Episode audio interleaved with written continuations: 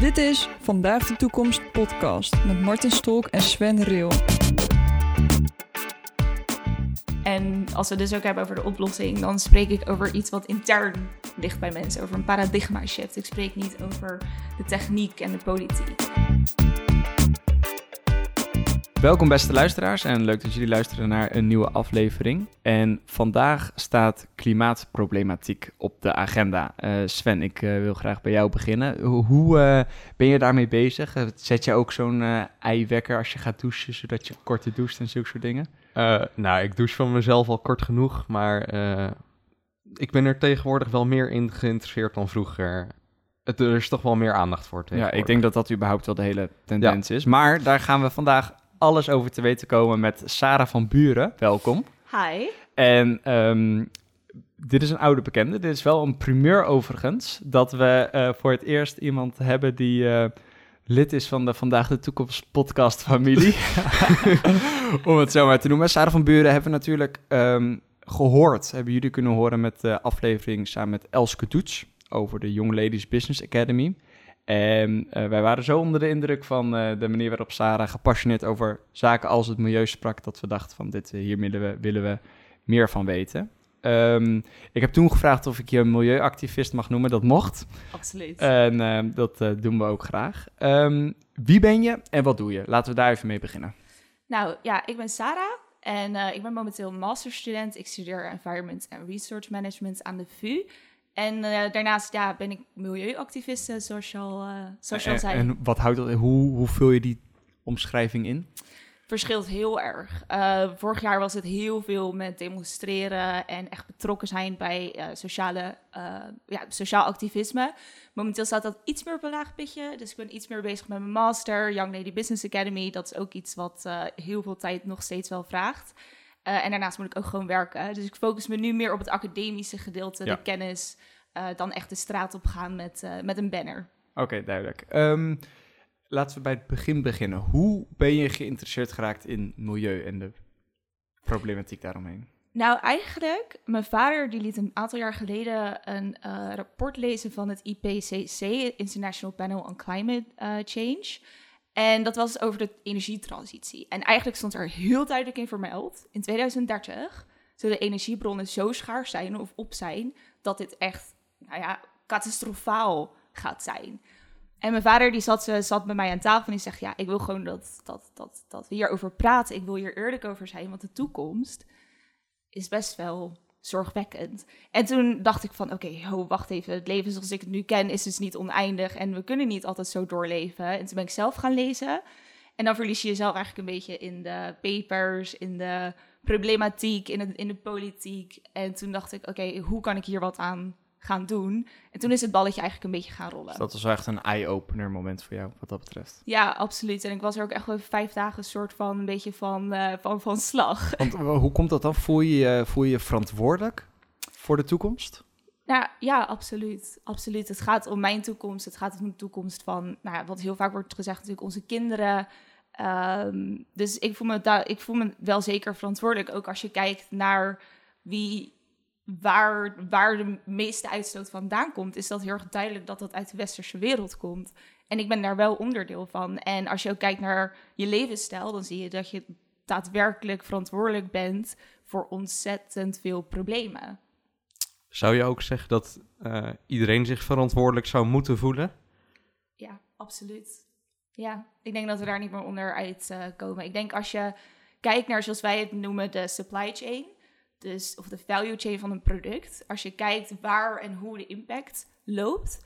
En je beseft dat als jij eventjes een pakje rijst koopt uit de supermarkt, dat daar veel meer bij komt kijken. Of je koopt een kledingstuk bij de HM. Hoe kan je dan nog, zeg maar, van die verantwoordelijkheid afstand nemen? Dat is inherent aan kennis krijgen over een product. Duidelijk, is dat, uh, ligt wat wat, uh, wat jou betreft daar ook de crux van Um, het probleem dat ligt, ligt het, het zwaartepunt bij het individu uh, in, de, in, de oplossing uh, voor een betere toekomst? Of zeg je, het zijn toch de bedrijven en de overheden die leidend moeten zijn bij de oplossing? Ja, dit is een, uh, een hele grote discussie. Want wat heel vaak ook is, is dat mensen willen eigenlijk iemand hebben die de schuldige is. Want als één persoon de schuldige is, dan kan die persoon het oplossen. En nu zie je, als je kijkt naar de politiek, naar de bedrijven, naar het individu, iedereen kan iets anders doen. Dus in die zin, iedereen moet ook iets anders doen. Wij als individu kunnen wel zeggen, oké, we stoppen met, uh, met vlees eten, maar de bedrijven moeten zich daarop aanpassen. Maar er zijn heel veel mensen die dat niet willen doen. Dus dan hebben we de bedrijven nodig die zeggen, oké, wij gaan minder vlees produceren. Gaan ze niet doen, want ze zijn vooral gericht op economische groei. Dus hebben we de overheid nodig die zegt: Oké, hoe kunnen we dit oplossen? Hoe kunnen we ervoor zorgen dat mensen minder vlees gaan eten? Dus het is een hele. Inherent ketting. aan elkaar verbonden. Ja, absoluut. We noemen het ook, ik denk dat veel mensen dit wel kennen, dit wordt een wicked problem. Er is niet één oplossing. Het is zo verweven. En de klimaatproblematiek is denk ik een probleem wat echt alomvattend is. Alles komt erbij kijken: armoede, Ehm, nou ja, discriminatie. Ongelijkheid. Ongelijkheid, absoluut, absoluut. Oké, maar eh, wat, ik, wat je net zei vond ik wel heel interessant. Um, met je voor, uh, voorbeeld over het vlees eten. Denk je dat dat ook zo, als je kijkt naar de afgelopen jaren, denk je dat het dan ook op die manier is gegaan van uh, de consument, de massa, de mensen die willen minder vlees eten. Dus passen bedrijven en overheden zich daarop aan? Of denk je dat het toch, dat soort van bottom-up, zouden we kunnen zeggen? Of denk je dat het toch vanuit de overheid en bedrijven komt en dat het opgelegd wordt aan de consument? Ik denk, en ik hoop heel erg dat ik geen gelijk hierin heb.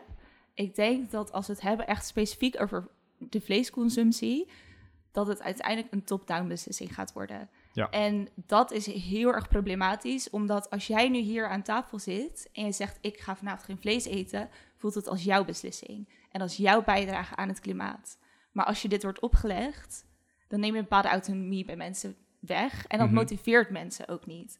En dat is eigenlijk nu heel erg lastig. Want je ziet dat steeds meer mensen zeggen: Oké, ik eet uh, geen vlees of ik eet minder vlees. Maar als je kijkt ook naar wie dit zijn in de samenleving, missen we gewoon nog een ontzettend grote groep die hier niet in meegaat. En zolang we deze mensen niet meekrijgen, is er op een gegeven moment, er is gewoon een max. En dat is heel hard, maar er is gewoon een max aan vleesconsumptie. Denk je dat dat in de toekomst, de nabije toekomst, snel zal veranderen? Want je ziet wel dat er een enorme, dat het enorm populair is om uh, minder vlees te eten of niet. Maar ja, er blijft natuurlijk eh, met name de iets oudere helft van onze bevolking, die dat toch moeilijker vindt om, om dat te doen, om daarop over te gaan, op zo'n uh, soort levensstijl. Dus denk je dat dat sneller zal gaan dan, of sneller zal moeten gaan dan het natuurlijk gebeurt? Ja, ik denk dat het sneller moet gaan. Dat, dat is dat ja, ja, is natuurlijk ja, ja, ja het moet super snel gaan. De stroomversnelling moet er eigenlijk komen. Um, ik wil hierin positief blijven en zeggen, ik geloof erin dat, het, dat mensen steeds meer geïnspireerd en gemotiveerd hierin uh, in raken. Maar als ik dan weer om me heen kijk uh, en hoe ik nog steeds elke, elke week of elke keer als ik thuis kom met mijn vader een discussie heb over of we wel nou wel of niet vlees uh, gaat eten, dan denk ik ja, nee, het gaat te langzaam. Ben je vegetariër geworden? Ja, ik ben vegetariër. Ja. Met, vanwege de klimaatproblematiek? Oh ja, absoluut. absoluut. En kijk, als je er natuurlijk verder gaat verdiepen, ik heb daarnaast ook een specialisatie binnen mijn uh, Master of Food Systems. Dan zie je eigenlijk wat er ook nog meer bij komt kijken bij de voedselproductie. En dat was voor mij al helemaal een teken van: oké, hier met het veranderen van mijn dieet heb ik als individu eigenlijk de meeste invloed momenteel. Oké, ehm, ik wil even verder gaan en uh, kijken naar ehm, ja, wat je zegt, uh, de oplossingen die er nodig zijn. En dat moet snel gebeuren. Um, waar denk jij dat, dat de meeste winst te behalen valt? Is dat bij um, nou, de massa waar we het net over hebben, dat zij met z'n allen uh, zich aanpassen? Of denk je toch dat het uh, hele grote vervuilende bedrijven en overheden, zoals bijvoorbeeld Brazilië, um, die nu het goed vinden dat het Amazonewoud legaal of illegaal gekapt wordt. Waar denk je dat de meeste winst op de korte termijn te behalen valt? Uh, wel goed dat je Brazilië aanhaalt. Ik denk als uh, Bolsonaro inderdaad het, zou, uh, het illegaal zou maken, dat we al heel ver zouden komen. Want het regenwoud, Amazonegebied, dat, dat is problematisch in zo ontzettend veel opzichten natuurlijk. Maar nog meer op korte termijn denk ik dat we echt vooral moeten kijken naar grote bedrijven. En dat is ook nu wat we zien. We zien natuurlijk een rechtszaak tegen Shell ja. wat loopt. Uh, en ook als we kijken naar wie er eigenlijk toch verantwoordelijk zijn voor de meeste uitstoot, dan zien we dat de top 100 bedrijven zoals Shell en heel veel bedrijven die dus in die sector zitten, verantwoordelijk zijn voor 71% van de uitstoot van de CO2-uitstoot sinds 1988. Ja. En daar komen we niet omheen. En nu zie je dat ook nog steeds van waar zijn de landen die de meeste CO2 uitstoten. Dat is Amerika, Europa en China. Oké, maar eh, dat kan. Eh, echter, diezelfde top 100 bedrijven staan ook in de top 100 van uh, bijdrage aan een landelijk BBP. Is het niet veel waardevoller dat een land economisch um, nou ja, groeit en dat, dat een land heel rijk is? Kunnen ze dan niet meer doen voor het milieu dan wanneer we um, zulke soort ja, superbelangrijke bedrijven als Shell of KLM voor de Nederlandse economie um, schaden, waardoor er überhaupt minder kapitaal overblijft om de klimaatproblematiek aan te pakken? Ja, dit is een hele goede vraag. En hier ben ik het absoluut niet mee eens. Want als we het hebben over economische groei, uh, dan heb je ook verschillende perspectieven. En als je zegt wij hebben economische groei nodig om, onze, om ons land te verduurzamen, ga je eigenlijk uit van een best wel privileged perspectief. Maar als je kijkt naar andere landen, landen zoals Afrika, waar mensen echt dus al ontzettend lang bezig zijn met het verduurzamen van hun landbouw, meer in harmonie leven met de natuur, veel minder uitstoot hebben, waarom zouden wij dan nog meer moet, moeten groeien? Om dan nog meer duurzaam te gaan leven. Want wat wel gewoon zo is, is jij hebt meer geld, je gaat meer geld uitgeven. Waaraan geef je het uit? Nou, waar geven jullie geld uit als je meer geld hebt? Nou ja, wat, wat, wat ik heb, stel ik krijg opeens mijn salaris en dat is hartstikke veel geld. Dan um, heb ik wel eens van, ja, oké, dan uh, doneer ik nu even een keertje 50 euro aan Greenpeace. Terwijl als ik al dat geld niet zou krijgen, ik überhaupt niet zou doneren. Dus is het dan niet meer waardevol dat ik toch, omdat ik meer geld krijg, uh, uh, meer geld over heb om aan een goed doel te geven? Ja, als iedereen dat zou doen, dan zouden we natuurlijk ja. wel een iets mooiere wereld maar leven. Maar gaat, gaat dat ja. samen, denk je? gaat um, het oplossen van het klimaatprobleem samen met economische groei? Kan dat samen gaan? Ja, maar het hangt vanaf hoe je economische groei definieert. Een, een toename van het BBP in Nederland. Ja, ja, ja. ja. Um, ik denk dat wij in Nederland ook inderdaad... Dus wat je ziet, even over, echt over Nederland gesproken... wat je ziet is dat mensen willen duurzaam leven... maar inderdaad het grootste ding waar ze tegenaan lopen... is dat het niet helemaal past in hun budget. Het is best wel duur. Ik bedoel, soms doe ik een week, een week vegan... En dan uh, soms moet je dingen kopen dat ik denk, ja, een pot mayonaise normaal kost uh, 1 euro. En die moet ik ineens 4 euro gaan ja. betalen. Um, wil ik duurzame kleding kopen, uh, dan kost dat 100 euro. Aan de andere kant, als je tweedehands koopt, is het weer ontzettend goedkoop. Het is, een, het is een hele lastige vraag. En ik denk eigenlijk dat we af moeten van economische groei. Zeggen, oké, okay, dat is echt hetgene waar we naar moeten streven.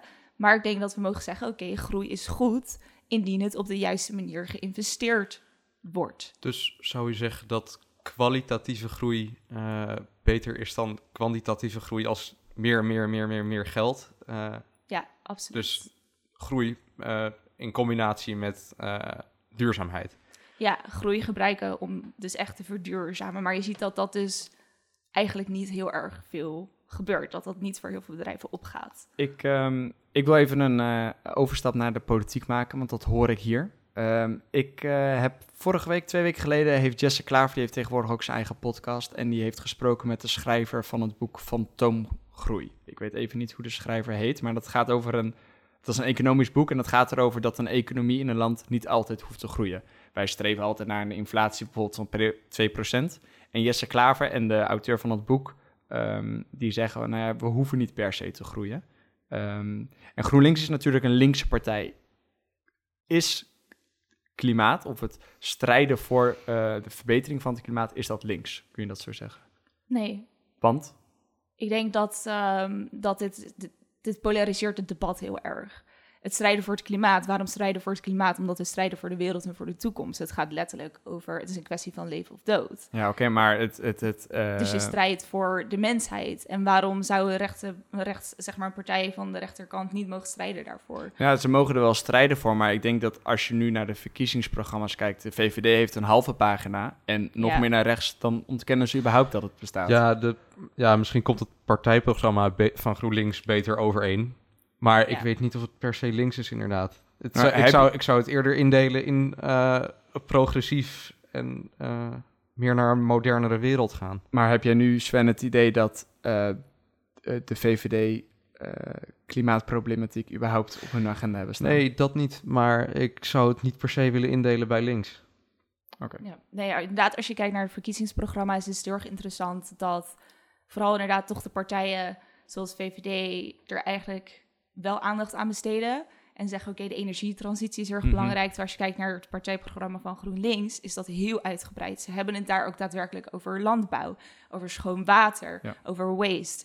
En dat is iets wat in de politiek voor mij momenteel problematisch is. Ze pakken één aspect aan, maar dat kan niet. Nee, want Het is zo met verweven met elkaar. Ja, en dan, eh, als we even bij de VVD blijven hangen wat dat betreft. eh, een paar weken geleden, of misschien wel een aantal maanden alweer geleden, kwam Mark Harbers met het plan voor eh, nieuwe kernreactoren. Hoe kijk jij aan tegen zulke soort ontwikkelingen als kernreactoren? In Groningen wordt getest met een Hyperloop. Tegenwoordig zijn alle auto's elektrisch. Kunnen we niet gewoon wachten totdat dat er is? Ben, je, ben je wat dat betreft hoopvol dat zulke soort ontwikkelingen gaan bijdragen aan een versnelling van de oplossing van de problemen die er zijn? Mm, In die zin ben ik niet heel erg een technocrat, zoals we dat noemen. En ik weet ook niet heel veel af van de techniek. Dus in die zin zou ik echt iemand vanuit Delft een keertje aan tafel eh, uitnodigen. Want dat Ja. is echt super interessant. Want wat ik wel geloof is dat we zeker niet zonder deze techniek kunnen. Ik bedoel, als we kijken naar natuurlijk de duurzame energie. eh, mogelijk over tien jaar is de vraag ernaar groter en het eh, aanbod daarvan groter dan normale of de, de conservatieve energiebronnen. Maar wat ik wel denk is dat het is voor een deel symptoombestrijding. Dus Leg wat- uit. Ja, wat je dus ziet is dat bepaalde gebeurtenissen, daar wordt op gereageerd. Dus oké, we moeten minder gaan uitstoten, maar eigenlijk is dat niet mogelijk. Dus hoe kunnen we nog wel enigszins uitstoten, maar op een andere manier? Want we hebben nog wel dat, zeg maar, de- de demand daarvoor.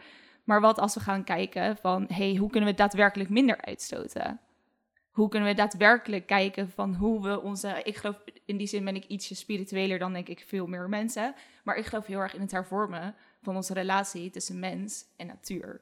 Zolang wij nog niet als mens erkennen dat wij afhankelijk zijn van de natuur, dat de natuur, zoals we dat nu vandaag kennen, ons in on- ons zeg maar ehm, het leven zoals wij dat vandaag kennen, dat, dat, dat, dat, dat we dat eraan te danken hebben, dan zijn we nog steeds niet veel verder.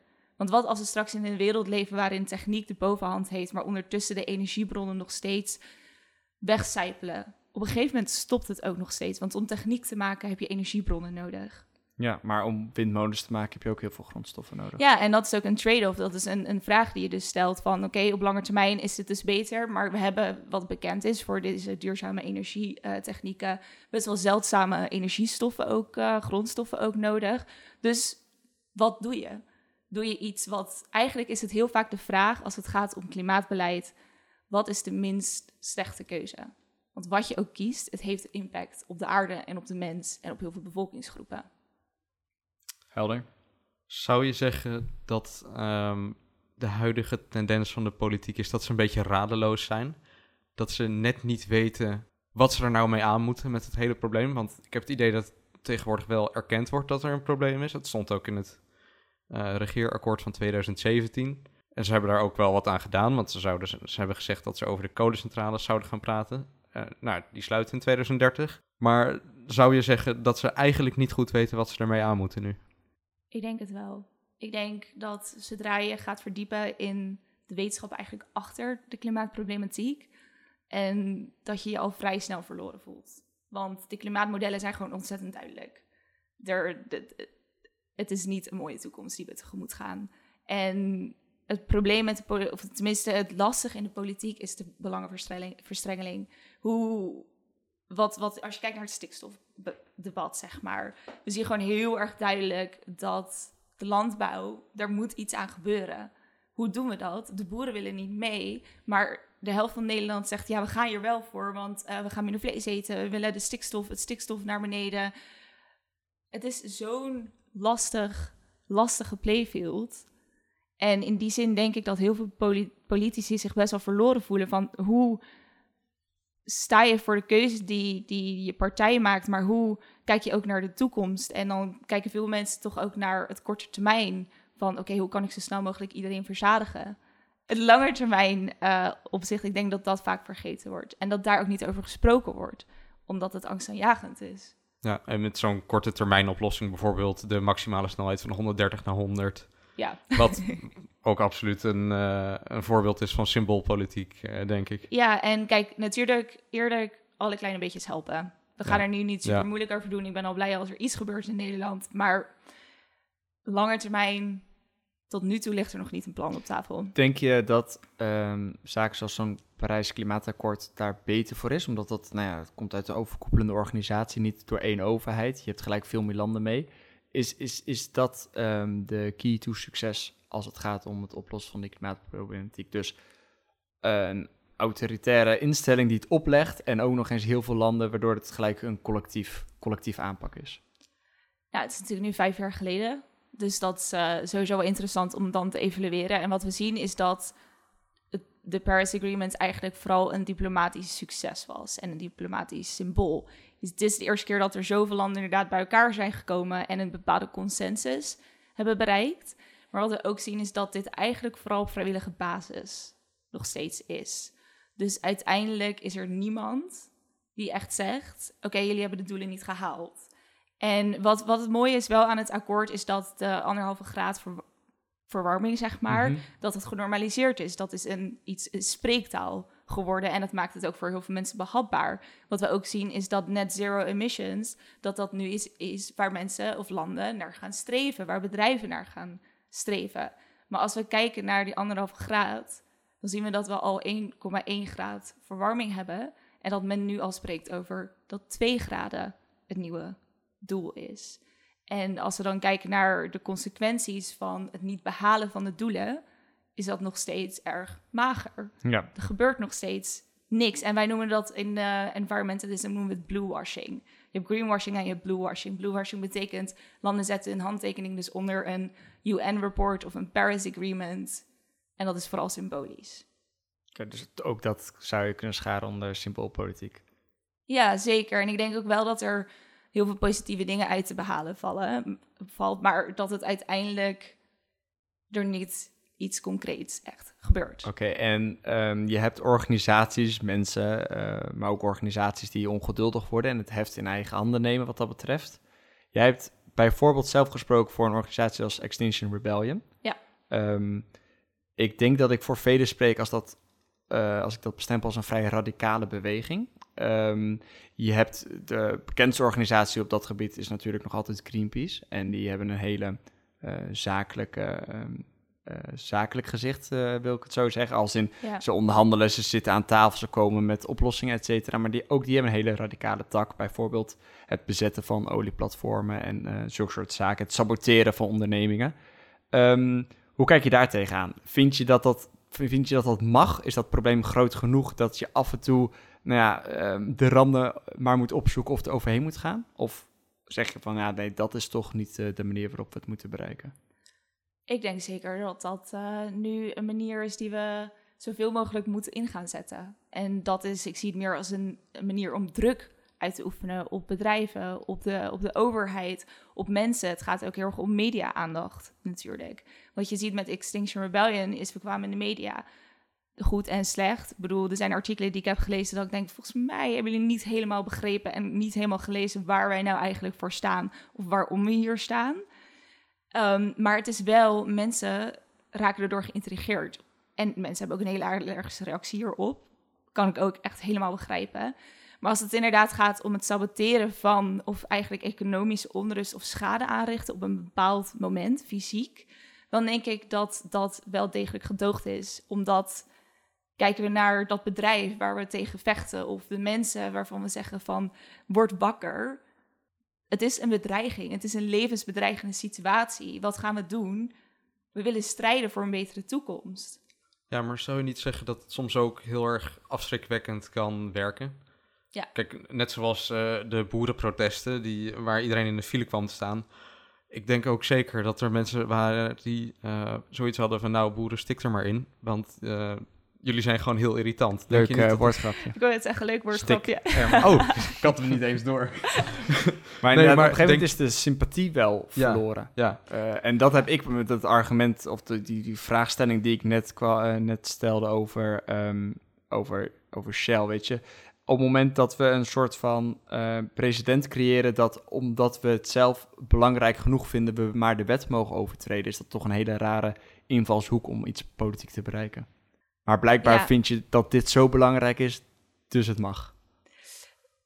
Ja, het is natuurlijk de wet overtreden. En ik denk dat dat ook het eh, spannende is voor heel veel mensen die eh, betrokken zijn bij zo'n organisatie. Maar ik denk ook dat het is, mensen zijn in staat om de wet te overtreden, omdat dit dus zo bedreigend voelt voor mensen.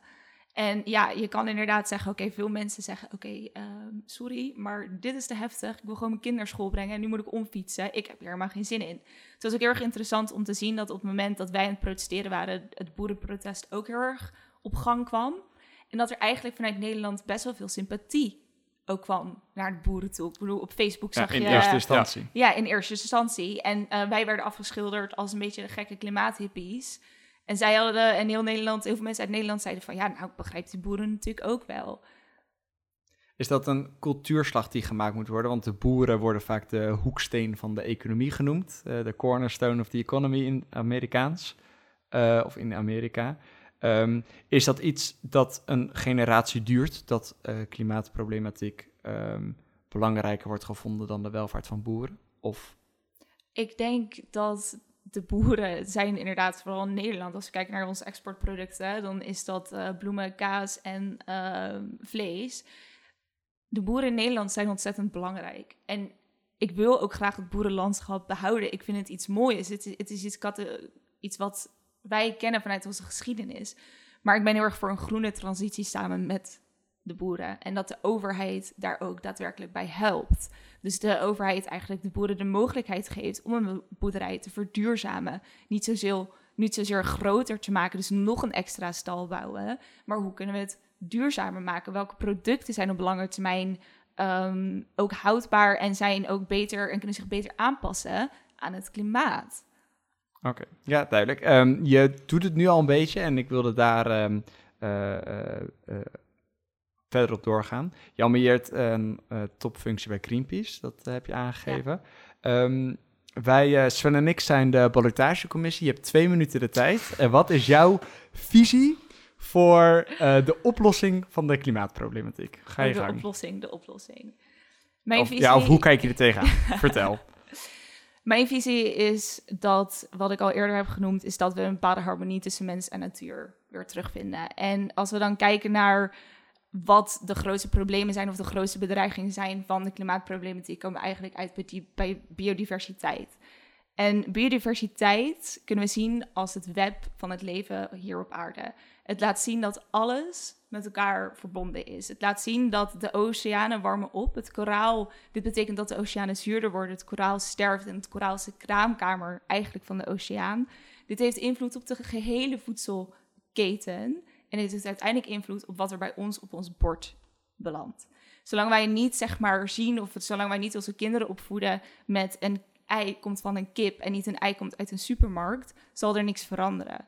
Dus als wij een stapje terugnemen in de zin van waar komen we vandaan? Waarom, waarom ligt dit vanavond op ons bord en hoe komen we hier? Dan denk ik dat we al een stuk dichterbij zijn bij ook gewoon mens zijn. En ik denk, wat we, waar we het net ook over hadden, dat technologie ontzettend belangrijk is. Zolang we het menselijk houden en zolang we zien dat het leven hier op aarde en de grondstoffen niet eindig zijn. Dat zal nooit zo zijn. En als we verder willen gaan en iedereen gelijke kansen willen geven, dan moet er nu actie komen. Want het gaat niet meer om ons. Wij hebben ons ware toekomst, maar het gaat vooral om de toekomst van de generaties hierna. Is een gebrek aan biodiversiteit of het verlies van de biodiversiteit de grootste bedreiging? Of zijn Ja, dat zaken als ontbossing of ontbossing is een oorzaak van waardeverlies voor van de grond? voor biodiversiteit. Als je alles gaat terugberedeneren van eh, ontbossing, ver- verdroging, verzuring, eh, verzouting van de grond, zie je dat dat eigenlijk ook heel veel komt door biodiversiteit. Biodiversiteit is eigenlijk het, het, echt het web van het leven hier op aarde. De pollinators, eh, of de pollinatorscrisis, wat we nu hebben is dat andere landen importeren bijen vanuit andere landen, omdat de landbouw dat nodig heeft voor het bestuiven van hun producten. Dat is, dat is ons eten. En wat we zien is dat wij willen vlees eten, maar daardoor wordt het Amazonegebied nu gekapt, omdat het vooral wordt gebruikt daar voor sojaplantages. Ja. En uiteindelijk komen we daar op terug, biodiversiteit. Ik heb het idee dat we nog wel een eh, half uur door kunnen Ja, gaan. ik ook. maar helaas is het tijd. Eh, Sven, Ja. eh, jij gooit hem erin? Ja, nou, ehm, ja, je hebt al een paar keer bepaalde woorden gebruikt die niet heel positief over de toekomst eh, spreken. Ja, angstaanjagend. Angstaanjagend, inderdaad ook. Ehm, zou je willen zeggen dat je alsnog wel een positieve outlook hebt op de toekomst? Ja, ik denk, ik ben een heel erg idealistisch. En als we het dus ook hebben over de oplossing, dan spreek ik over iets wat intern ligt bij mensen, over een paradigma shift. Ik spreek niet over de techniek en de politiek. Dus in die zin, ja, ik ben idealistisch. En wat ik dus geloof is dat wij als mensen daadwerkelijk verschil kunnen maken. En als ik hier nu zou zeggen en ik zeg nee, ik ben niet optimistisch voor de toekomst, kan ik net zo goed mijn spullen neerleggen en zeggen, nou, ik heb Engelse taal en cultuur gestudeerd, ik ga lekker voor de klas staan en we zien wel wat er gebeurt. Maar ik geloof er gewoon echt in. En dat is echt mijn drijfveer. En ja, soms denk ik, waarom doe ik dit en word ik boos? Maar boos is juist ook een emotie die je kan gebruiken om echt te strijden voor het klimaat. Dus uiteindelijk, ja, want zolang we optimistisch blijven, dan kunnen we ook nog echt kijken naar de toekomst. Optimisme, idealisme en een beetje realisme. Absoluut. Eh, Sarah, bedankt. Hartstikke leuk. Ja. En ehm, tot de volgende aflevering. Mocht je meer willen horen van onze gesprekken met veelal jonge gasten die ons wat deskundigheid bij kunnen brengen, abonneer je dan in je favoriete podcast-app op Vandaag de Toekomst. Wil je op de hoogte blijven van alles wat wij doen en misschien wel wat sneak previews? Wie weet heb je een suggestie of kritiek? Dan weet je ons te vinden op Instagram, Twitter en LinkedIn. Wij heten overal Vandaag de Toekomst Podcast. Je kunt ons ook mailen op vandaagdetoekomstpodcast@gmail.com. Tot de volgende!